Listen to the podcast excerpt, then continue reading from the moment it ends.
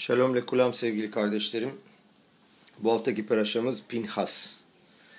Arav Şaptay Slavtitski'nin Peraşat Pinhas'la ilgili vermiş olduğu deraşayı sizle paylaşacağım. Yine muhteşem bir sanat eseriyle karşınızdayım. Ben genelde bu dersleri e, çalışmadan ve tercüme etmeden önce önce bir kere dinliyorum. Dinledikten sonra e, tercüme ediyorum, tekrar edit ediyorum ve size veriyorum. Fakat bu sefer ilk kere dinlemeden direkt Evet köpeğimiz de bizle şiurtora yapmak istiyor. Ee, bu sefer dinlemeden direkt tercümeye başladım. Ve e, tercüme ederken tabii çok fazla konsantre olamıyorsunuz. Fakat daha sonra e, pdf'i edit ederken dinlediğimde baktım ki hakikaten sanat eseri. Çünkü adam e, derse başlarken öyle bir plan yapmış ki başta sorduğu soruya en son cevap veriyor. Fakat arada bir sürü dersler veriyor. E, alakalar koyuyor ortaya. İnanılmaz bir e, derleme diyeceğim. E, bu yüzden hani baştan sona dikkatli dinleyebilirseniz beni dinleyin. Fakat dinleyemezseniz daha sonra ya tekrar dinleyin ya pdf'e bakın. E, müthiş bir düzen olduğunu, müthiş bir amaç olduğunu ve çok güzel bir şekilde dizayn edildiğini göreceksiniz. Gelin başlayalım. Kah zohim le arihut yamim. Arihut yamim lafını çok duymuşsunuzdur. Uzun seneler, uzun ömürler. Bu şekilde uzun ömürlü oluruz. Yani uzun ömürlü olmanın sırrını vereceğim size. Peraşat, e, Arap Şaptay Slavtiski'nin izniyle tabii onun ağzından. Uzun ömrün sırrı nedir? Geçtiğimiz senelerin istatistiklerini gözden geçirecek olursak, antik Yunan'ın kadim senelerinde insanlar ortalama 20 ila 30 sene arası yaşarlarmış. Orta çağda İngiltere'de 25-30 sene. 20. yüzyılın başında ortalama 30 ila 40 sene arası yaşarlarmış. Bugün ise dünya yaşam ortalaması 65 yaş. Niye? Genel prensip olarak zamanında insanları öldüren hastalıklara bir sürü şu anda yeni ilaç bulunmuş. Bu sebeple o zamanlardan o zamanlar ortalama bayağı düşükken şu anda 65'e geçmiş. Bugün muazzam araştırmalar var insanlar milyarlarca para harcıyorlar bu işe. Hem e, hayatı iyi bir şekilde yaşayabilmek için hem de uzatabilmek adına. İnsanın hayatı nasıl uzatılabilir? İtalya'da bir yer var ki birçok insan bu bölgede 100 senenin üzerinde yaşamış ve birçok bilim adamı oraya gidip acaba bunun sırrı nedir diye araştırıyorlar. Günümüzde TOR, TOR adında insanların hayatını nasıl uzatabileceklerini araştıran büyük komple bir araştırma mevcut. Peki nasıl yapabiliriz bunu? Sadece birkaç sene daha yaşamak değil ama bundan daha da fazlası. Birçok kere hissederiz ki zaman bizden kaçıyor. Zamanı boşa harcıyoruz. Nasıl acaba dolu dolu bir hayat yaparız? Nasıl özel bir hayat yaşamaya sebep olabiliriz? Nasıl o günlere değer verebiliriz? Bu sadece hayatımıza ek seneler katmak değil fakat yaşadığımız günleri daha uzun, daha dolu, daha anlamlı yapabilmek. Gelin bugün sizinle biraz Gemara öğrenelim. Bu soruyu Rabbi Akiva, Rabbi Nehunya Agadol'a sordu. Ve Rabbi Nehunya Agadol'a ve Rabbi Akiva da aynı zamanda Betamiktaş'ın son döneminde yaşamışlardı. Anne Bekoach'ın, Anne Bekoach meşhur duasının düzenlemesi de bu Rabbi Nehunya Agadol'a atfedilmiştir. Rabbi Akiva ona şu soruyu sorar. Bame eyrahta yamim. Günlerini nasıl uzattın? Ömrünü nasıl uzattın? O büyük Rab'ın yardımcıları geldiler ve Rabbi Akiva'yı dövmek istediler. Çünkü basitçe Rabbi Akiva'nın kendi Rablarına zarar vermek istediğini sandılar. Ömrünü nasıl uzattın sorusu sanki bu dünyayı ne zaman terk edeceksin sorusunu sorar gibi gelmişti onlara. Tabii ki Rabbi Akiva'nın bunu kastetmediği açık seçik ortadaydı. Ama o hayatın özellikle de uzun hayatın sırrını öğrenmek istemişti fakat yardımcıları bunu bu şekilde anlamıştı. Gmara der ki Rabbi Akiva acele ederek yüksek bir ağaca tırmandı ve oradan yüksek sesle şunları söyledi. Rabbi, im neemar keves, lama neemar ehad. Yani kuzu dediysek niçin aynı zamanda ehad, aynı zamanda bir söylendi? Keves ayhada geleceğiz şimdi. Peki nedir acaba Rabbi Akiva'nın sorduğu bu sorunun anlamı? Peraşat Pinhas'ın içinde, bu haftaki peraşamızın içinde bir cümle var. Etakeve sehat taase baboker ve etakeve şeşeni taase ben arbayim. her gün Vaydaber Haşem'de okuduğumuz, Korbanot'ta okuduğumuz e, e, pasuklarda bunu her gün okuyoruz. Taseb etakebese hatta seba boker ve etakebese şeni taseben arbayn. Kuzulardan birini sabah kurban edeceksin. ikinci kuzuyu ise akşama doğru. Peki soru şu. Demin de söyledik. Etakeves diyorsan niçin ehad demek zorundasın? Bu ehad lafı niye söyleniyor? De ki etakeves taseba boker. Kurbanı sabah ver. Görünürde nasıl yazılması gerekiyordu? Eğer illaki öyle olacaksa etakeves ha ehad yani the one İngilizce gibi ha ehad demesi lazımdı. Gerçekten de Sefer Şemot Peraşat Tetsave'de Tora der ki etakeves ehad tase baboker ve etakeves aşeni tase ben arbayn. Fakat bizim peraşamızda Pinhas'ta Tora ehad diyor. Bunu duyduğunda Rabbi Nehunya yardımcılarının Rabbi Akiba'yı dövmek istediklerini görünce onlara der ki bırakın onu. Bu soruyu sorduğuna göre o talmid hahamdır. Ona dokunmayın. Bunun üzerine Rabbi Akiba ağaçtan aşağı iner ve daha sonra aynı büyük Rav ağacın üstündeyken sorulmuş olan soruya şöyle cevap verir. Etakebe sehad meyuhad şebadoro yani o tek olan e, kuzu kendi döneminde çok özel, çok esas, tek, unique, o özel kuzu. Akebes ameyuhadaze der. Bu sorusuna cevap verdikten sonra ilk sormuş olduğu soruya geri döner. Bema erah tayamim. Günlerini nasıl uzattın? Fakat bu fevkalade soruya, fakat bu fevkalade cevaba geri dönmeden önce birinci soru. Niçin Rabbi Akiva böyle basit bir soru soruyor? Cümlenin içinde bir kelime, görünürde günümüzde geçerli bile olmayan, söz konusu olamayacak çünkü betamiktaşımız yok, kurban vermekle alakalı. Özel bir emir. Niçin o halde görünürde çok önemli ve büyük bir cümle gibi görünmeyen bir cümlenin içinde tek bir kelimeyi sorması gerekiyor? Keve sayhat. Yani bir daha tekrarlayalım. Bu cümleyi şu anda uygulayamıyoruz. Betamiktaşımız yok. Dolayısıyla bu korban atamidi veremiyoruz. Nedir bu kadar önemli tek kelimeyi sormak? Ve diğer büyük Rav bu soruyu duyunca nasıl olur da onun büyük bir talmit haham olduğunu anladı. Öylesine bir soru gibiydi. Sanki küçük bir çocuğun bile sorabileceği bir soru gibi görünüyor. Ve bir soru daha. Bu sorunun ömrünün uzaması ile ne alakası var? Nasıl bir konudan diğer konuya geçiyor? Fakat biraz konsantre olursak kardeşlerim bu cümlenin gerçekten basit bir cümle olmadığını görürüz. Rabbi Yaakov ben Haviv'in derlediği En Yaakov adlı kitapta yazan bir midraş var. Meğerse bu kitabın sadece iki bölümünü yazmaya vakti olmuş Rabbi Yaakov ben Habib. Sefer Zraim ve Sefer Moed. O öldükten sonra oğlu olan Rabbi Levi bu kitabı bitirdi. Peki neyle alakalı bu kitap? Bütün Şas'ta Gemara'daki enteresan paragrafları ve midraşları alıyor. Çok derin şeyleri değil. Ve dünyanın birçok yerinde bugün Minha ile Arvit arasında en Yakov öğrenen birçok cemaat vardır. Genelde Minha Arvit bizde Türkiye'de arka arkaya okunur fakat İsrail'de de böyle okunur ve dünyanın birçok yerinde sanıyorum böyle okunuyor. Minha başladıktan sonra bir 15-20 dakika divretora yapılır ve sonra tam Kriyat Şema'nın bezmana yani Kriyat Şema zamanı geldiği zaman yıldızlar çıktığında Arvit başlanır. Dolayısıyla Minha Arvit arasında bu cemaatte bu En Yakov e, okunuyor dedikleri bu. Ve bu kitabın başlangıcında çok enteresan bir şey yazıyor. Matsati katuv beşema midrash ubekaştiyu ve lo. Bugün diyor bu midraşı bulamıyorum ama bu midraşta böyle yazıyordu. Ben Zoma Ömer, Matsinu pasuk kolel. Hangisidir bu pasuk akolel? Cümleyi önce tercüme edeyim. Diyor ki Ben Zoma bir pasuk bulduk ve her şey dahildi diyor. Ne hangisi diyor bu dahil olan pasuk yani genel olan ve özel temel olan bu pasuk hangisiydi? Gerçekten de Yeruşalmi'de aynı cümle Midraş'ta biraz değişik bir şekilde yazıldır. Benzoma, benzoma Omer, Matsinu pasuk kolel, yesodi. Yani Tora'da temel olan bir pasuk bulduk. Ve der ki o pasuk kolel nedir? Şma İsrail, Aşem Elokenu, Aşem Ehad. Bunu Ben Nanas duyar ve o da İsrail'in büyüklerinden birisi ve der ki daha da temel bir pasuk bulduk der. Ve aftalere hakamoha. Orada Rabbi Şimon ben Pazi vardı. Dedi ki biz daha da temel bir pasuk bulduk. Hangisi? İşte bizim şu anda bahsettiğimiz pasuk kardeşlerim.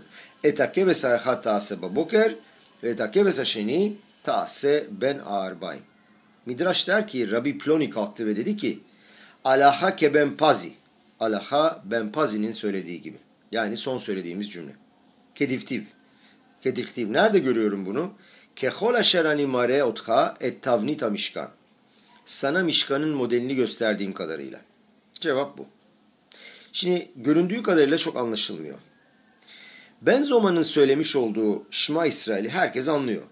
Şma İsrail çok temel bir dua. Yahudiler onları bu Tanrı'nın ismini kutsal kılmak adına onları ateşe attıklarına Mesirut Nefeş'le kendilerini feda ettiler ve sınırsız bir inançla haykırdılar. Şma İsrail, Hashem Elokenu, Hashem Echad. Çok çok önemli. Divre Ben Nana o da anlaşılıyor. Ve Aftalere Hakamoha Rabbi Akiva'nın kendisi söyledi. Bunu Tora'da Klal Gadol büyük kural. Arkadaşını kendin gibi seveceksin. Admor Azaken Baal Atanya'nın söylediği gibi Sefer Atanya Perek Lamet Bet'te gerçek İsrail sevgisinde senin neşamanı ortaya çıkarman gerekir. Ruhunu, neşamanı vücuduna göre büyütmen lazım ki biz sadece neşama yönünden bir olabiliriz. Vücut açısından ayrı olabiliriz. Dolayısıyla anlıyoruz ki ve haftalere hakamuha Tora'nın hakikaten temelidir. Maneviyatı maddeye karşı büyütmek ve ortaya çıkarmak. Fakat ne var ki ne var bu et akebese hatta seba boker ve et akebese şini tase ben arbaim cümlesinde ne var ki bu kadar temel oluyor ve gerçekten bu cümle ne ifade ediyor? Buna bakacağız şimdi. Tora gelip diyor ki Bet Amiktaş'ta günün düzenini açan Korban Atamid adında birinci kurbanımız var. Bu korban tüm korbanların başı ve başlangıcıydı. Aroş ve areşit şel kola korbanot ve u kolel betoho et kola korbanot. İçinde tüm kurbanları da dahil ediyordu. Tüm yapılan kurbanlar onun içine dahildi. O açardı ve günün sonunda öğleden sonra akşama doğru ben arbayim başka bir kuzu daha kurban ederlerdi. Ehad baboker ve ehad ben arbayim. Ve bu hok kodeş kodaşim kutsalların kutsalı bir kanundu bu. En önemli kanundu ve hiçbir zaman bunu iptal etmediler. Kohen Gadol'un sabahtan akşama kadar korbanlar kesmiş olduğu Yom Kippurim'de, Eref Pesah'ta tüm İsrail halkının Yeruşalim'de toplanmış oldukları günde her zaman korban atamid kurban edilirdi. Ve her zaman bu korbanla biterdi çalışma. Peki ne var bu korbanda ve bu pasukta İsrail halkının Yahudiliğinde bu kadar temel ve önemli olan? Midraş der ki tefilla mitzvasının temelini dahi aslında korban atamid oluşturuyor. Nasıl ki korban atamid sabah ve öğleden sonra yapılıyor olduğu gibi hahamlar ve sanedrin de geldiler. Şahrit ve minha tefilalarını düzenlediler. Yani sabah ve öğleden sonra. Tanrı'ya başvurmayla başlar ve Tanrı'ya başvurmayla biter. Pniya la kadosh baruhu. Dolayısıyla tefilaların esası çoğunluğu temeli iki tefiladır. Peki marif tefilası nedir? Ya iki tefila derken şahrit ve minhadan bahsediyoruz. Marif tefilası nedir? Aslında tefilat reşuttur. Tefilat reşut isteğe bağlı demek. Yani öğleden sonra Ben Arbaim'de kesilen Korban Tamit'teki tüm organlar gece boyunca sindirilirdi. Bu, se bu, bu sebeple tefilat marevi yaptılar. Bu arada Rav David Sevi'ye sordum. Ee, bu tefilat reşut ne demek olduğunu. Onun açıklamasını da burada izninizle sizle paylaşıyorum. Kendisine teşekkür ediyorum arada bana yardımları için her zamanki gibi. Diyor ki e, Rebi David, Arvit tefilası ile ilgili bir korban yok. Yani korban sadece işte e, Ehad Baboker ve Ehad Ben Arbaim. Yani şahrit ve minhad. Bu nedenle diyor arvit reşut yani isteğe bağlı bir tefiladır. Ancak gece kriyat şema zorunlu olduğu için hahamlarımız şemaya bir de amida eklediler. Reşut olmasına rağmen kemikleşmiş bir uygulamaya dönüştüğü için de mitzvah haline gelmiştir. Dolayısıyla diyor Rabbi David, arvit söylemeyi unutan bir kişi ertesi gün taşlumin ya da tefila yani telafi amidası okur. İyi de o zaman neden bu pasuk yani bu iki tane tefilaya e, iki tane tefilaya sebep olan bu pasuk neden bu kadar temel olmuştur? Ne var bu pasukta ki Tora'da her şeyi kapsayan bir pasuk haline geldi? Bunu irdelemeye devam edelim. Hala sorudayız kardeşlerim dikkat edin. Basitçe bize derler ki, şimdi açıklamaya geçiyoruz. Sabah kalktığında da enerji, yaşamsallık ve coşku ile dolu olduğun zaman da korban vermek zorundasın. Fakat aynı zamanda ben arbayım. Akşama doğru günün sonunda çok yorgun ve bitkin olduğunda, parnasa ile ilgili, geçimle ilgili birçok sorun ve dertlerin olduğunda ve önce bu işlerin bitireyim sonra dua edeyim dediğin zaman hayır diyorlar. Hemen Akadosh Baruhu'ya bağlanman lazım. Gelin bugün Mağaral'ın açıklamasına bakalım. Hayatımız boyunca bazen büyük ve harikulade deneyimler yaşarız. Büyük heyecanlar. Ve bazen bu deneyimler, bu büyük deneyimler bizim düşüncemizi, hayat şeklimizi değiştirirler.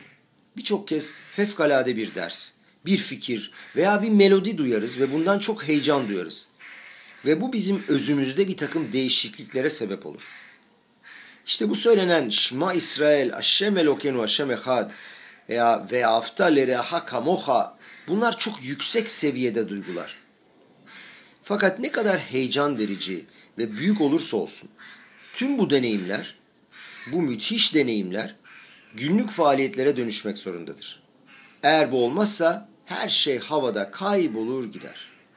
Hayatın karmaşıklığı her günlük hayatımızdaki normal alışkanlıklarımızdan oluşmaktadır. Adam her günlük küçük faaliyetlerle ve söylemlerle yaşar. Onun söylemiş olduğu melodi, sabah kalktığında karısına ve çocuklarına söylemiş olduğu günaydın sözcüğüdür. Gece eve döndüğünde iyi geceler demesidir. Yatarken iyi rüyalar demesidir. Onlar gece uyumaya gitmeden evvel onlara o basit kelimelerle söylediği o melodi gibi güzel sestir. Sabah söylediğin modern ile faneha, netilat ya daim, sabah giysilerimizi giyme eylemimiz, aile yaşantımız, eşler arası ve çocuklarımızla olan ilişkiler, çoğunlukla günlük hayatımız ve her günkü faaliyetlerimizden oluşur. Günlük birbirimize karşı davranışlarımız, yemek esnasında, mutfakta birbirimizden bir şey rica ettiğimizde kullandığımız basit kelimelerde, gerçek bağlantı ve güveni, inancı hissedebilmemiz küçük şeylerde başlar kardeşlerim. Fevkalade tatillere giden insanları hepimiz tanıyoruz. Kendi aileleriyle ile büyük deneyimler geçirirler. Güzel yerlerde bulunurlar. Fakat çoğu zaman eve döndüklerinde her şey biter. Günlük hayatlarında kendilerini yapayalnız hissederler. Kişi tek kerelik faaliyetlerde bulunduğunda bu onda içsel bir saflaşmaya sebep olmaz. Bir etki yapmaz. Özünde bir takım şeyleri değiştirmez. Bunlar zamansal, geçici heyecanlar ve duygulardır. Kendi içsel özünü ve esasını açığa çıkarmaz. Sadece adam sürekli bir şekilde faaliyet gösterdiğinde o zaman kim olduğunu görürsün. Sadece adama karşı sürekli ve her zaman ki bir ilişkiyi hissettiğinde ona güvenirsin. Ona bağlanırsın ve ilişki kurarsın. İşte bu kardeşlerim korban tamittir. Sürekli verilen korban budur. Korban atamit adamda saflaştırmaya sebep olur. Ondaki kişisel güçleri ortaya çıkarır. Sen özünde nesin? Yahudilik etake ve sayhat taase babokerdir. Maddi dünyada sürekli eylemde bulunmak. Tora'nın harflerini taşa kazımak. Dünyadaki maddeye, vücuttaki materyale, beyne ve karakter özelliklerimize. Bu fikir sadece ruhumuzu, maneviyatımızı inşa etmekte oluşturmakta değil, aynı zamanda iş dünyasındaki ve hayatımızın bütünündeki başarımızda da geçerlidir. Hayatlarında çok büyük mesafe kaydedenler, özellikle dahiler, mucitler, yenilikçiler değildir. İşlerini azimle, sebatla, disiplin ve çalışkanlıkla yapanlardır. Çok zor şartlarda çalışmaya kabiliyeti olanlar. Her gün yağmurda ve güneşte çalışmaya gelenler. İnsanlara güler yüz gösterenler. İnsanların yüzlerini aydınlatanlar ve hep yeni malzeme okuyanlar ve öğrenenler ve kendilerini yenileyenler. Araf Saks bir keresinde şöyle bir şey söyledi. Birçok besteye imza atmış olan Beethoven'in günlük programını bir inceleyin. Onun daimi günlük bir programı vardı. Şöylemiş Beethoven'in programı. Her gün gün ağardığında kalkardı. Kendine kahve hazırlardı ama öylesine bir kahve değil. Kahvenin tanelerini sayarmış. 60 tane iyi kahve taneciği olmasına çok dikkat ederdi. Daha sonra masasına oturur kahvesini içerdi. Ve öğleden sonra 2 maksimum 3'e kadar müzik bestelerdi. Sonra hemen durur ve uzun bir yürüyüşe çıkardı. Yürüyüşe çıktığında her zaman yanında kağıt ve kalem vardı. Notaları yazardı. Kafasına gelen tüm fikirleri kaydedebilmek için notaları yazardı. Ve akşam yemekten sonra birasını içer, piposunu içer ve saat 10'dan daha geç olmamak üzere yatmaya giderdi. Kardeşlerim deha, başarının ve ilhamın sadece yüzde biridir. Yüzde 99 ise disiplin ve yatırımdır. En büyük eserler yaratılan şeyler yıllarca süren çalışma ve tüm detaylara dikkat sonucu gerçekleşmiştir. Ben sonunda birdenbire bir detaya dikkat çekilir, işte o detay sizi uyandırır ve büyük bir buluş gerçekleşir. Son dakikada olan bir şey değil bunlar. Çok büyük zaman ve yatırım sonucu oluşan şeyler. Yer çekimini bulan Newton öyle anlatılan hikaye gibi ağaçtan elmanın düştüğünü görüp bu buluşu yapmadı.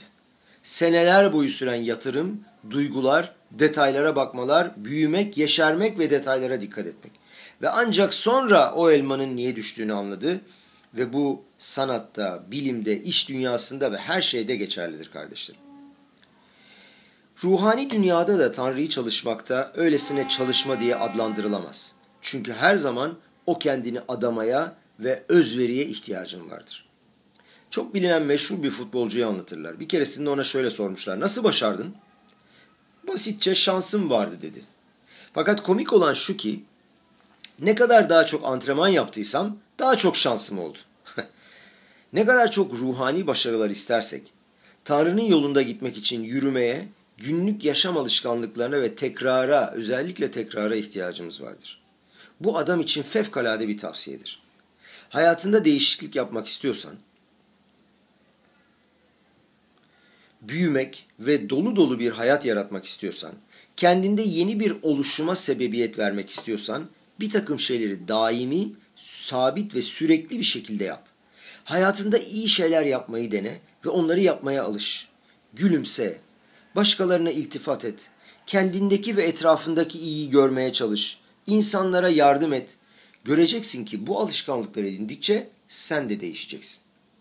Gelin biraz da Torat Ahasidut'a bakalım. Bu muazzam güç nereden kaynaklanıyor? Bir takım şeyleri yükü üstüne alarak yani kabalat ol e, bunları alarak nasıl yapabiliriz?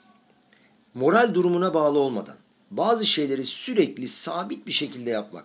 Hangi zaman, yer ve duruma bakmaksızın etrafındaki koşullara ve atmosfere bağlı olmadan benim verdiğim bir karar var ve sonuna kadar gideceğim. Peki nereden geliyor tüm bunları gerçekleştirmek için gereken bu güç? Biliyoruz ki kişinin 10 tane gücü vardır. Bunları daha evvel de konuştuk. Tekrarlamakta da fayda var. Hohma, bina ve dağıt. Bunlar beynin güçleridir. Bir de karakter özellikleri vardır. Heset, gvura, tiferet, netzah, hod, yesod, malhut. Heset, iyilikseverlik. Gvura, sertlik, din, yargı. Tiferet, güzellik. Netzah, sonsuzluk, sonuna kadar çalışmak. Hod, teşekkür, yesod, temel. Malhut da krallık ve bir beraber menu Maşiyah'ın geleceği zaman. Bu 10 tane güç, bunları derslerimizde bazılarını hatırladık. Torata Kabala üzerine baze olmuş Torat Ahasidut der ki, bu 10 tane gücün üzerinde bir şey daha var. İşte o da Keter. Keter adamın üzerindedir. Görünürde Keter'in tanımı nedir? Diğerlerini hohmayı, binayı bir miktar anlayabiliyoruz fakat keter nedir? Eninde sonunda kişinin kafasının üzerinde olan taçtır, taç. Keter kardeşlerim tüm güçlerin ve sfiraların üzerindedir. Keter sende olan o fevkalade şeyi malhutu ortaya çıkarır. O on tane güç seni itip kuvvet vermese bile bir şeyleri eyleme dökmene, fiil, fiiliyata geçmene yardımcı olur Keter. Beynin, duyguların, karakter özelliklerin seni itmese bile yine de o şeyleri yapabilirsin. Senin neşaman tarafında tüm o güçlerin üzerinde olan muazzam bir gücün var. O bütün o güçlere hükmedebilir. Öyle durumlar yaratabilir ki zihinsel ve mantıksal açıdan nasıl olduğunu ve ne yaptığını anlayamazsın. Kişi bir takım şeyleri yükümlülük üstlenerek, kabul ederek yaptığı zaman, o kabalat ol yaparak yaptığı zaman bambaşka şeyler yapabilir. Aşreyoş ve Beteha meşhur e, teyilim e, pas şeyi vardır. Te, teyilim mizmoru vardır. Aşreyoş ve Beteha. Ne mutlu senin evinde oturana dediğimiz vakit şöyle deriz. Adam bunları bu gücü zaten var olduğu için yapıyor ama ondan sonra şöyle bir cümle daha veririz, söyleriz. Aşırı adam şey kahalo, kaha, öylesine. İşte o gücü var olan adam ne mutludur ki işte o kaha keter dünyasıdır. Olama keter. Ve keter dünyasına bağlandığım zaman bende daha yüksek güçler uyanıyor. Bir takım şeyleri daha derin, canlı ve içsel bir şekilde görüyorum ve bu bana kuvvet veriyor. Uri Zohar'a sormuşlar. Tora'nın gerçek olduğuna inandıktan sonra ilk hangi mitzvayı yaptın? Cevap verir. Valla ben de çok düşündüm tüm mitzvaları alamayacağıma göre hangi mitzvayı alacağımı çok düşündüm. Ve basit bir mitzva istedim. İnsanlara sormuş Rav demiş ki acaba ne istedi ne dersiniz? Tefilin. Kimi tefilin demiş. Kimi işte ayakkabıyı alakaya göre bağlama mitzvası demiş. Fakat Uri Zohar şabat mumlarını yakmaya, yakmayı seçmiş. Adlakat anirot. Eşi karısı başta onun yolunda gitmek istememiş ve reddetmiş yakmayı. Ve Aşem korusun neredeyse ayrılma noktasına gelmişler ama sonradan tamamen her şey değişmiş. Ve o basitçe adlakat nerot yapmak istedi. Şabat mumlarını yakmak istedi. Birdenbire o keter onda pırıl pırıl parladı. Fakat dedi ki bunu öylesine basitçe yapmam. Hani öyle canım isterse yaparım, istemezse yapmam böyle bir şey yok. Şabatta adlakat nerot mum yapmak aslında hiçbir şey değil. Sanki alıyorsun mumu kibriti ve yakarsın. Ama demiş ki bu adam bunu ben omuzlarımda yük olarak bir sorumluluk olarak alıyorum. Yükümlülüğü üstleniyorum ve sonuna kadar gideceğim. Deprem de olsa, ayaklanma da çıksa ne olursa olsun ben bunu yapacağım. İşte bu o kabalat ol kardeşlerim. Korban Atamid. Rav diyor ki genç bir avreh tanıyorum. Büyük bir sevinç ve istekle ve açık kalplilikle iyilikseverlik yapar ve insanlara yemek dağıtırdı. Hesed kısmı çok kuvvetliydi fakat bu gencin Tora öğrenimiyle ilgili bir isteği yoktu. Dolayısıyla ara verdi çalışmalarına, öğrenimi durdurdu, Yeşiva'yı terk etti ve Amerika'ya bir güvenlik işinde çalışmaya gitti. Ve bir gün Rebbe'nin odasına girer. Der ki, Tora öğrenmek için herhangi bir isteğim yok ve güvenlik işinde de çok para kazanmıyorum ama evlenmek istiyorum dedi Rebbe. Rebbe şöyle dedi ona. Henüz evlenmek için yeterli olgunluğa sahip değilsin. Şimdilik güvenlikte çalışmaya devam et. Tora öğrenmeye herhangi bir isteğin yok konusuna gelecek olursak, her gün 5 dakika o haftaki peraşa ile ilgili öğrenim yapmayı üstüne al. Kabul et. Yazılı Tora, Tora Şebihtav. Fakat sadece 5 dakika çalışacaksın, daha fazla değil. Eğer eklemek istiyorsan %10 ekleyebilirsin. Maksimum 5,5 dakika. Fakat aynı zamanda sözlü Tora, Tora Şebe Alp'e de öğren. Ve bunu nerede istersen öğren fakat sadece 5 dakika. Bu 5 dakikayı yükümlülük üst, üstlenerek, kabalat ol alarak sonuna kadar git. Midata netsah. İşte netsah karakter özelliği bu. Sonuna kadar gitmek. Ve bu öğrenimi yapmadan evvel önce kendini bir rahatlat. İyi hisset. Bir yemek ye. Bir şeyleri iç. Ne istiyorsan yap. Telefonunu kapat. Ve 5 dakika konsantre olarak iyi bir şekilde çalış. Hameş dakot mimot tihyena. O 5 dakika saf ve adanmış zamanın senin olsun. Genç şöyle anlatır. Çalışmaya başladım ve bu beni uyandırdı. Bende bir kıvılcım yaktı ve bir süre sonra zaman ilave etmek istemiş fakat demiş ki Rebbe hayır edemezsin. Beş dakikaya devam edeceksin. Bir süre sonra tekrar izin istedi Rebbe'den ve Rebbe kabul etti bunu razı oldu. Bugün bu genç her türlü konuda müthiş bir hasid avreh oldu. Kardeşlerim bizim için mesaj ve öğreti şudur ki kendimize bir şey alıp üstlenmemiz gerekmektedir. Küçük bir şey dahi alabiliriz. Yazılı olduğu gibi eveyrat le mitzva kala.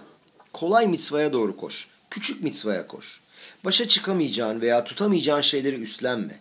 Ve böyle bir şey aldığın zaman ve yapamazsan o zaman da bu senin için bir tasdik ve mazeret olacaktır. E çok zordu bu zaten nasıl yapacağım ki ben bunu yapamadım diyeceksin. Ama 5 dakika sürece öğrenememek diye bir mazeretin olamaz. Herkes bugün 5 dakika çalışabilir. Mişna diyor ki Eveyrat le mitzva kala. Çünkü mitzva goreret mitzva. Bir mitzva başka bir mitzvayı çeker getirir. Böyle bir mucizevi şeyi var.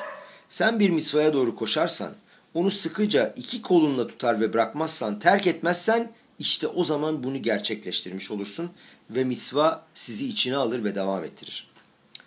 Bu rutin yapılan çalışmalar özellikle bizim Tanrı ile olan derin bağlantımızı açığa çıkarır. Ruh haline, moral durumumuza bağlı olmayan bir bağlantı, bir bağlantı ve ilişki. Ve her durumda, her yerde, her şekilde var olan bir bağlantı. Burada bir özel deneyimimi anlatmak istiyorum. Bazen düşünürüm, günde üç kere aynı işte şahrit, minha ve arvit duasını yapıyoruz. Aynı tefile okuyoruz, aynı şeyler. Binlerce sene boyunca her Yahudi bunları okudu ve devam etti. Nasıl olur da bunlardan bıkmadık ve bırakmadık? Ya bütün bu anlattıklarımın dışında gerçekten e, İbranice o kelimelerin içinde o hahamlarımızın büyük bilgeliğiyle ve dehasıyla yapmış olduğu o kelimelerin içinde ben diyorum ki ve hissediyorum ki özel bir enerji var. Özellikle o İbranice kelimeleri biraz anlamaya başladığınız zaman ve onlara konsantre olduğunuz zaman inanılmaz bir enerji alıyorsunuz. Ve bence sebep bu. Yani hakikaten o tefilalar, o e, kelimeler sizi içine çekiyor ve e, kaynağa bağlıyor. Başka bir sebebi olamaz diye ben düşünüyorum acizane. Dersimize geri dönelim. Kime güveniriz? Bazen bizim için her şeyi yapabilen ve bizim de onun için her şeyi yapabileceğimiz. Fakat bazen de onu bir kere görüp bir daha görmediğimiz, tanımadığımız ve onun da bizi görmediği bir arkadaşa mı güveniriz? Veya hiçbir koşula bağlı kalmaksızın her an ve her şartta benimle olan bir arkadaşa mı? O arkadaş benim için oradadır. Benim ne istediğimi anlamasa ve hissetmese bile benim için onu yapar. Özellikle de yaptığımız bu eylem bizi garip, lüzumsuz, belki de sadece mekanik gelse bile işte özellikle ilişki orada ifade olur. Mesela özellikle sabah erken kalktık. Dua etmek bizi acayip zor geliyor. Konsantre olamıyoruz. Sadaka vermek zor, Tora öğrenmek zor, başkasına yardım etmek, affetmek, sinirlenmemek çok zor geliyor. Herkesin kendini ilgilendiren şeylerle alakalı zorlukları var. Fakat bütün bunlara rağmen bunu yapabilirsek, içimizden gelmese bile dua edersek, öğrenirsek, affetmek zor gelse de affedebilirsek, aslında bunu yapmak için hiçbir sebebim yok, isteğim yok, keyfim yok, sadece Akadosh Baruhu istiyor diye yaparsam, çünkü hiçbir isteğim, keyfim yok, motivasyonum yok, hohma yok, bina yok, dağıt yok, hesed yok, tüm güçlerim kayboldu. Hepsi hayır yapma diye haykırıyor, yine de bunu yapıyorum. Ne için? keter. İşte bu bizimle Tanrı arasında bağlantı kurabilmemiz için lazım olan gerçek araçtır. Rebbe Araşap, Habad'ın 5. Rebbesi şöyle dedi. Bazen sinagoga gideriz ve içimizde müthiş bir enerji ve ateş hissederiz dua etmek için. Bazen de kendimizi tamamen kupkuru, keyifsiz, isteksiz hissederiz fakat yine de duamızı yaparız. Rebbe sorar, hangi tefille Akadosh Baruhu için daha değerlidir, daha önemlidir? özellikle de hiç isteğin, keyfin olmadığı zaman yaptığın tefila daha değerlidir kardeşlerim. O istikrar, o süreklilik, o yükümlülük üstlenme, o kabalat ol senin ciddiyetini ve bağlılığını ve içsel bağlantını ispat eder. Sadece bir saat yapsan bile. O yüzden şöyle derler. 120 sene sonra gökyüzüne çıktığımızda soracaklar bize. Kavata itim la Tora. Tora öğrenimine fix bir zaman ayırdın mı? İstikrar, süreklilik, Belki de bütün gün öğrenmiyorsun. Fakat o her zaman yaptığın yarım saat, işte bunu senden ayırmak mümkün değildir. Ola tamid. Bu senin saatindir. Bu senin ola tamidindir. Şimdi gelin aynı Ben Pazi'nin ne söylediğini anlayalım. Bütün Tora'yı içine alan dahil eden cümle, Tanrı ile Tora ile Tanrı ile Tora ile olan bağlantımıza anahtarı veren pasuk. Tüm Tora ve mitzvaları amacı ve yapmak istediği adamı Tanrı'ya bağlayabilmektir ne zaman bağlantı kurarım? Bir keresinde büyük bir ruhani deneyimim olduğu zaman mı? Bir keresinde çok güzel bir melodi duyup çok heyecanlandığım, ağladığım veya dans ettiğim zaman mı? Acaba önemli olan nedir biliyor musunuz kardeşlerim? Bu büyük heyecanları yaşadıktan sonra ne olduğudur. Acaba bu benim hayatımda bir faaliyet gösteriyor mu? hayatımın içine giriyor mu yoksa öyle bir deneyim olarak orada kalmıştı. Aynı muazzam Rav o seçimi için şöyle diyor. Kol arayanot aneetsalim baolam ze keanan boreach imze lo yored le ergelim le maase. Dünyadaki tüm asil ve yüksek fikirler eğer günlük alışkanlıklara dönüşmezlerse sanki kaçan bulutlara benzerler. Ve özellikle her ne olursa olsun her türlü durumda ve koşulda onu yapmaya devam edersen işte bu seni Tanrı'ya bağlar. Bu senin içselliğini ve samimiyetini ispat eder. Bu fevkalade bir şekilde ortaya çıkan senin içsel özünü gösteren noktandır. Gelin o halde Rav'ın niye al-raglav dediğini anlayalım. Ayağa kalktı. Ve amar alaha kemen pazi. Ben pazi gibidir alaha deyip ayağa kalktı. Niçin ayağa kalkmak zorunda? Niçin bunu ilan etmek zorunda? Bunu yapılan mahloketlerde, münakaşalarda hiç duymadık. Bu onun için büyük bir yenilik gibi görünmüş olmalı. Hiduş gadol. Veya bu konsepti insanların içine sokmak ve kazımak lazım geldiğini düşünmüş olmalı. Amadalar grav ve tsaka alaha kamou. Ayaklarının üzerine kalktı ve haykırdı. Alaha onun söylediği gibi. Şu çok enteresan olaya bir bakalım. Rabbi Natan'ın söylediği gibi, söylediği bir görüş vardır. Her korban atamit yaptıkları zaman borazanlar çalıp bunu ilan etmeleri gerekirdi. Betamiktaş zamandan bahsediyoruz. Genelde borazanların çalınmasını daha belki bir derste işlemiştik bunu. İsrailoğulları Bene İsrail çölde oldukları zaman ve bir yerden başka bir yere seyahat ettikleri zaman yaparlardı. Anlaşılsın bir yerden bir yere kalkıyorlar diye borazanlar çalınırdı. Fakat bununla beraber korban atamid yaptıkları zamanlarda da borazan çalarlardı. Acaba niçin? Sebep şu. Bu konsepti kişilerin içine sokmak, telkin etmek ve aşılamak için. Leahdir. Şimdi de gelin birkaç sene evvel dinlediğim çok heyecan verici bir hikaye anlatalım. Kardeşlerim bilmiyorum yeterli seviyede ve duyguda size bu hikayeyi anlatabilecek miyim ama ben bunu duyduğumda Rabi'den duyduğumda tabii Rav Şapta'yı çok isterim hepinizin İbranice öğrenmesini ve bu adamı dinlemesini. Öyle bir bakışı, öyle bir anlatışı, öyle bir göz teması var ki adamın inanılmaz duygular içinde kalıyorsunuz. Hikaye şöyle. İhtiyar bir adam doktordan randevu alır. Kupat Holim'e gider. İsrail'de olanlar bilir. Bir sürü klinik vardır işte Makabi'dir, Klalit'tir. Oradaki kliniğe gider ve orada birçok doktor vardır. Randevuyu almadan evvel doktorun birine der ki ben bunu çok erken yapmak istiyorum. Sabah 8'de olur mu der. Tabii derler, kabul ederler. Sabah 8'de adam doktora gelir. Parmağında bir problem vardır. Doktor parmağı açar, içindeki iltihabı çıkarır ve daha sonra pansuman yapar. Fakat doktor bunları yaparken görür ki adam çok streslidir, çok sinirlidir. İhtiyar adam der ki doktora, lütfen der bunu hızlı yapın çünkü bundan sonra gitmem gereken çok önemli bir randevum var. Doktor sorar, buradaki klinikte başka bir doktora mı gideceksin? Hayır diye cevap verir. Eşimle konuşmaya gideceğim. Peki eşiniz nerede bulunuyor? Evde mi? Hayır der. İhtiyarlar yurdunda. Öyle mi? Nasıl durumu der doktor? Sağlığı iyi mi? Epey bir süredir orada ve Alzheimer hastalığı var. Maalesef bazı şeyleri hatırlamıyor. İyi de o zaman niye acele ediyorsun ona gitmek için? Senin için çok meraklandığını mı düşünüyorsun? Güler ihtiyar adam. Hayır benim için meraklan düşünmüyorum. Geldiğim zaman beni tanımıyor bile. Hayda der doktor. Bak ben bunu anlamadım. O seni tanıyamıyor ve sen yine de her sabah onu görmeye mi gidiyorsun? Senin kim olduğunu bilmemesine rağmen mi? İhtiyar ona gülümser ve elini sımsıkı bir şekilde tutar. Ve der ki, o beni tanımıyor ama ben onu tanıyorum. Ben biliyorum onun kim olduğunu. Oradan çıkan doktor gözyaşlarını tutamadığını söyledi. İşte dedi, benim istediğim sevgi şekli bu. Budur benim istediğim bağlantının şekli. Bu keves ayhat. Bu o fevkalade pasuk. Buna göre gelin anlayalım Rabbi Akiva'nın sorduğu soruyu. Nasıl ömrümüzü uzatabiliriz diye sormuştu. Ve ona şöyle bir cevap vermişti Büyük Rav. Eta keves ehad sarih liyot meyuhad. O kesilen tek kuzunun özel olması lazım. Ehada meyuhad. Nedir bu ehada meyuhad? Bunu bir anlayalım, bir açalım. Her tamit korbanı sunduğum zaman o tek ve özeldir. Niçin özel? Ne özelliği var? Onu onlarca kez, yüzlerce kez, binlerce kez sundum zaten. Her gün günde iki kere aynı kurbanı sunuyorum. Kaç senedir bu korbanı sunuyoruz. O zaman görünürde nedir bir tane daha? Bir tane daha yaptık zaten. Ne oluyor? Nedir bunun özelliği? Kardeşlerim bunu sürekli bir şekilde istikrarla, kendimizi adayarak, Tanrı'ya içsel bir bağlantıyla yaptığımız zaman işte her korbanı sunduğun an özeldir.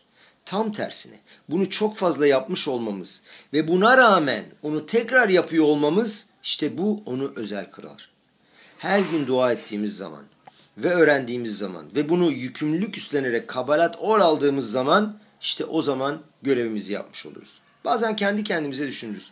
Dün zaten gittim dua etmeye ne olacak? Yani bugün de gidip dua etsem nedir yani? İşte bu keves ehad. Bu keves ayehad. Bu özel bir şeydir. Bir nokta daha var. Bu keves ayhatta Aşem Elokenu Aşem Ehad bulunmaktadır. Yani Aşem Tanrımızdır ve Aşem tektir, özeldir, uniktir. Sürekli ve istikrarlı bir şekilde o kadar çok sunmuş olduğum bu kurbanı tekrar sunmasına sebep olan ve onu çalıştıran şey nedir? O Ehad. Şma İsrail Aşem Elokenu Aşem Ehad. Gelin enteresan bir şey görelim. Bu sene Peraşat bin Has tam olarak Şiva Asar Betamuz'a denk geldi. O yüzden de oruç ertelendi. Bizde e, bizde balak peraşasına geldi ama fark etmez. Onlar İsrail'de Peraşat Pinhas okunuyordu geçen hafta. Nedir gerçekten 17 Temmuz'da, Şiva Asar Betamuz'da e, oruç tutmamızın sebebi? Gemara'nın anlattığına göre o günde 5 tane olay oldu. Bugün bir tanesini göreceğiz. Bir tanesi Bitul Korban Atamit'ti. Yani Korban Atamid'in iptali. Ne olmuştu? 17 Temmuz gününe kadar yapmış oldukları bir şeyi yapamamışlardı. Ve o yapamadıkları şey o günden itibaren onlarda travma yaratmıştı. Ne olmuştu bu travmayı yaratan? Yazılı olduğuna göre büyük bir savaş oldu ve hakikaten hoş bir savaş değildi. Ve İsrail halkının bir kısmı içeride bir kısmı dışarıdaydı. Ve bir kısmı Betamiktaş'ın içindeydiler. Ve kurban edecekleri kurbanlık koyunları da yoktu. Her gün içlerinde dinarlar olan sepetler indirirlerdi. Dışarıda olanlar o sepetlerin içinde kuzuları koyarlardı. Bir içeride olanlar da o kuzuları yukarı çekerlerdi. Böylece korban atamidi yapmış olurlardı ve bu sayede düşmanlar orayı fethetmeyi başaramamışlardı. Ve Yunanca bil, Yunan, Yunancayı bilgece tanıyan bir ihtiyar vardı. Onlara şöyle söyledi ve dalga geçti. Dedi ki eğer dedi onların Tanrı'ya çalışmaları devam ettikçe yani kurban ettikleri zaman onları fethedemezsiniz, yenemezsiniz. Ve maalesef ertesi gün o parayla dolu sepetleri aşağı indirdiklerinde onların içine domuz koydular. Kevan şeigia lahatsi homa naat siporna ve nizdazeya eretz İsrail arba meot parsa. Bunu müsaadenizle İbranice okuyacağım. Sonra da Türkçe tercümesine bakacağım. Sefaria diye bir e, çok kullandığım bir aplikasyon var. Oradan aldım. İbranicesini okumakta fayda var. Enerji verir ve Türkçesini açıklayacağım daha sonra. Ayaşam zaken ehad şaya makir bechokhmat yevanit la'az laem la'ag laem bechokhmat yevanit אמר להן, כל זמן שעוסקים en nimsarin beyedechem lemahar şilşelu lahem dinarim bekupa ve elü lahem hazir kevan şeigiya lehatsi homan naat sipornav nizdaze Eretz İsrail arba meot parsa. İngilizcesi de var. Daha sonra e, PDF'ten okursunuz. Yeruşalayim'de Yunan, Yunan'ın bilgilerine aşina olan bir yaşlı vardı. Buraya Kudüs yazmışız. Bunu Yeruşalayim olarak değiştirelim. Çünkü bu Kudüs adına alerjim var. Yeruşalayim Yunan bilgeliğine aşina olan bir yaşlı vardı. Yunan bilgeliği aracılığıyla sadece Yunan bilgeliği konusunda yetkin kişilerin anlayabileceği sözcükleri kullanarak dışarıdakilerle iletişim kurdu ve onlara şöyle dedi tapınak hizmetiyle, Betamiktaş hizmetiyle meşgul oldukları sürece ya Tanrı'ya çalıştıkları sürece sizin elinize teslim edilmeyecekler. Bunu duyunca ertesi gün dinarları bir sandığa indirdikleri zaman onlara bir domuz gönderdiler. Domuz duvarın yarısına ulaştığında toynaklarını duvara soktu ve Eretz İsrail 400 parsa titredi. Nedir bu hikaye? O gün korban atamit sunamadılar da ne oldu? Niye bu kadar önemli? Niçin bu sarsıntı?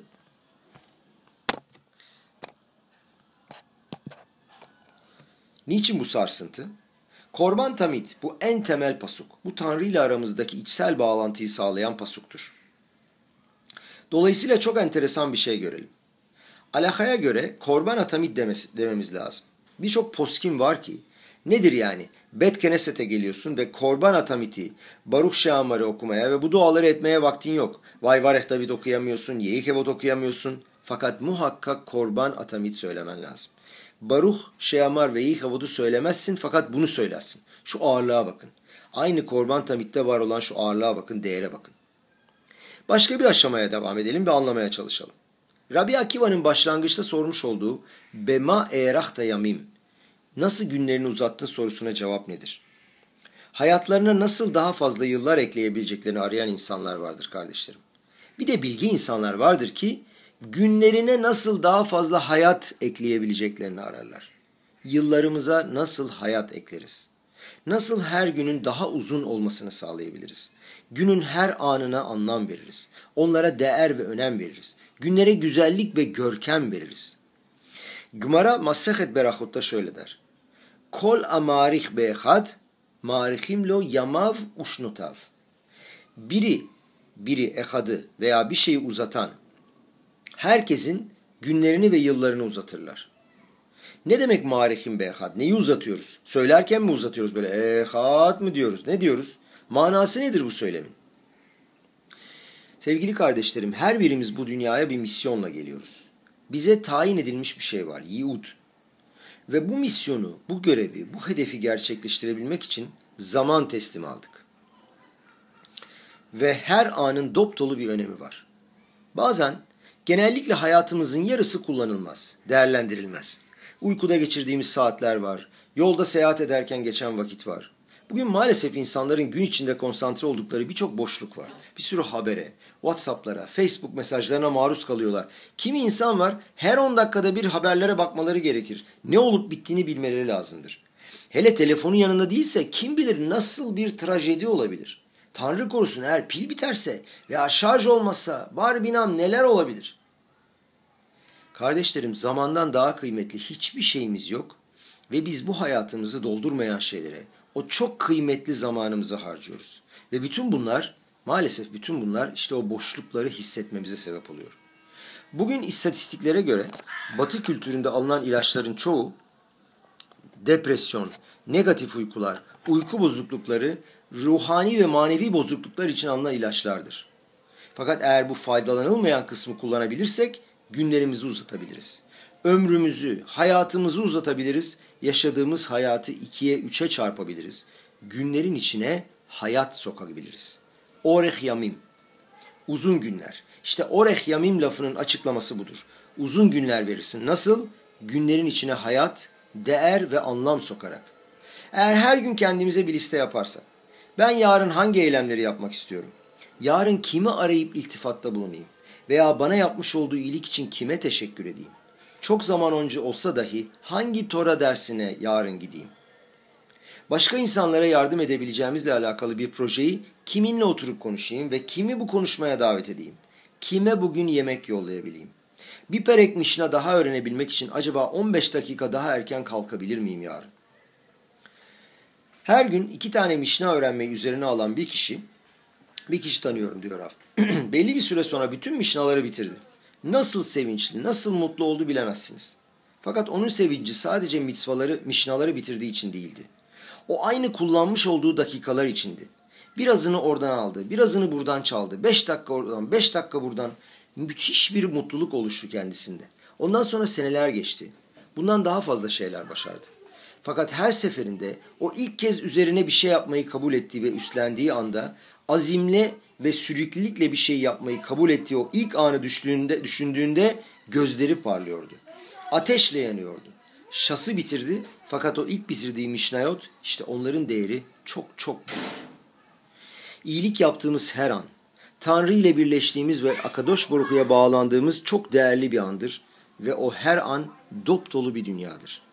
Akevese ehad, ehad umeyuhad. Korban atamide her sunduğumuz anda Tanrı'nın tekliği ve benzersiz oluşu var. Tanrı'da o tekliği görüyoruz ve hissediyoruz. O teklik ve özel olma hali onun içinde mevcut. Aşem elokenu, Aşem ehad dediğimiz zaman şu anda Şema İsrail'den birkaç cümle söyleyeceğim ve Şema İsrail'in ne olduğunu aslında burada açıklıyor Rav. Ve bunu bu anlamlı işte demin söylediğim buydu. Bu anlamlarla okuyup böyle konsantre olursanız Şema İsrail okurken inanın ki çok değişik duygular yaşayacaksınız. Şöyle diyor. Aşem elokenu Aşem ehad dediğimiz zaman o anda Akadosh Baruch eyleme döker. Ne der? Ve şinantam levaneha ve dibarta bam. Çocuklarınıza öğretirsiniz ve anlatırsınız. Nerede öğretirsiniz? Beşifteha bebeteha. Evlerinizde otururken. Uvlechteha badereh. Yolda giderken. Uf şohbeha, uf kumeha. Yattığınızda ve kalktığınızda, uyandığınızda. Gece gündüz, evdeyken, dışarıda bahçedeyken, ukşartam leot alyadeha. Tefilini kolunuza bağlayacaksınız. Ve hayule totafot beyneyneha. Gözlerinizin arasına koyacaksınız. Eylemde ve düşüncede. Sonra ne diyor? Uhtafta mal mezuzot beteha vişareha. Evlerinizdeki kapıların eşiğine mezuza yazacak ve yerleştireceksiniz. Girişinizde, çıkışınızda, evinizde ve maddi dünyanızda. Ve en sonunda ne diyor? Buraya dikkat edin lütfen. Lemaan yirbu yemehem ve ime benehem. Sizin ve çocuklarınızın günlerinin çoğalması için. Günleriniz büyüsün ve genişlesin. Wow! Ne kadar güzel değil mi? Günlerinizin uzamasının sırrı neye bağlı? birliğin sırrına bağlı. Sod erehut yamim, sod ahdut. Tekliğin, birliğin. Tanrı'nın birliğini her an hayatın içine sok ve birdenbire zaman bizim için özel olacak. Günleri uzatmak için ilaçlar bulunmak üzere milyarlarca para yatırılıyor. Milyarlarca insan nasıl daha sağlıklı olunabilir ve ömür nasıl uzatılabilir diye yollar arıyor ve bu gerçekten de çok önemli. Haşem işmor. Fakat bu günlerin içine hayat sokmaz. Bu günleri uzatmaz. Bu belki başka şeyleri uzatır fakat günleri uzatmaz. O günleri daha uzun olarak yaşadığını hissetmezsin. Uzun bir gün yaşadığını hissedersin fakat gününün boşa gittiğini hissetmezsin. Sabah kalktım, oraya buraya telefon açtım, şunu yaptım, bunu yaptım. Sonra sorarsın kendine ne yaptın bütün gün? Bilmiyorum nasıl geçti bugün. Mişle'de şu pasuk gelip der ki Kibi yirbuya meha ve yosifu leha şnot hayim. Günlerin uzasın ve sana hayat yılları ilave edilsin. Başlangıçta ne diyor? Yirbuya meha. Günlerin çoğalsın. Ama daha sonra ne diyor? Yosifu leha şnot hayim. Sana yaşam yılları eklensin. Yani günlerini çoğalt. Daha uzun olsun. Daha muhteşem olsun. Mişle'de bir pasuk daha var. Oreh yamim uşnot hayim ve shalom yosifulah. Günlerin uzasın, hayatının yılları da uzasın ve sana barış ilave edilsin. Sana uzun günler verilsin. Anvers'te Rav'ın yaşadığı yerde kısa bir zaman önce ölmüş birisi varmış ve çok çok özel bir hasitmiş. Sağlık durumu çok iyi olmamasına rağmen her zaman gözlerini parlıyorken görürdün diyor Rav. Hep Tora öğrenirdi, dua ederdi, saatlerce dua ederdi ve bunu gören karşısındaki insanlar yaşarken hayattan müthiş bir zevk aldığını görürlerdi.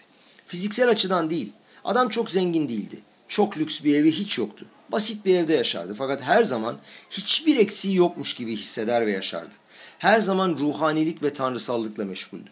Hasidut mağamarları dinler ve öğrenirdi ve bunlarla yaşardı. Bunlarla birlikte nefes alırdı bir inme yaşadığı zaman hasbe şalom ve hastanede yattığı zaman dahi şöyle dedi.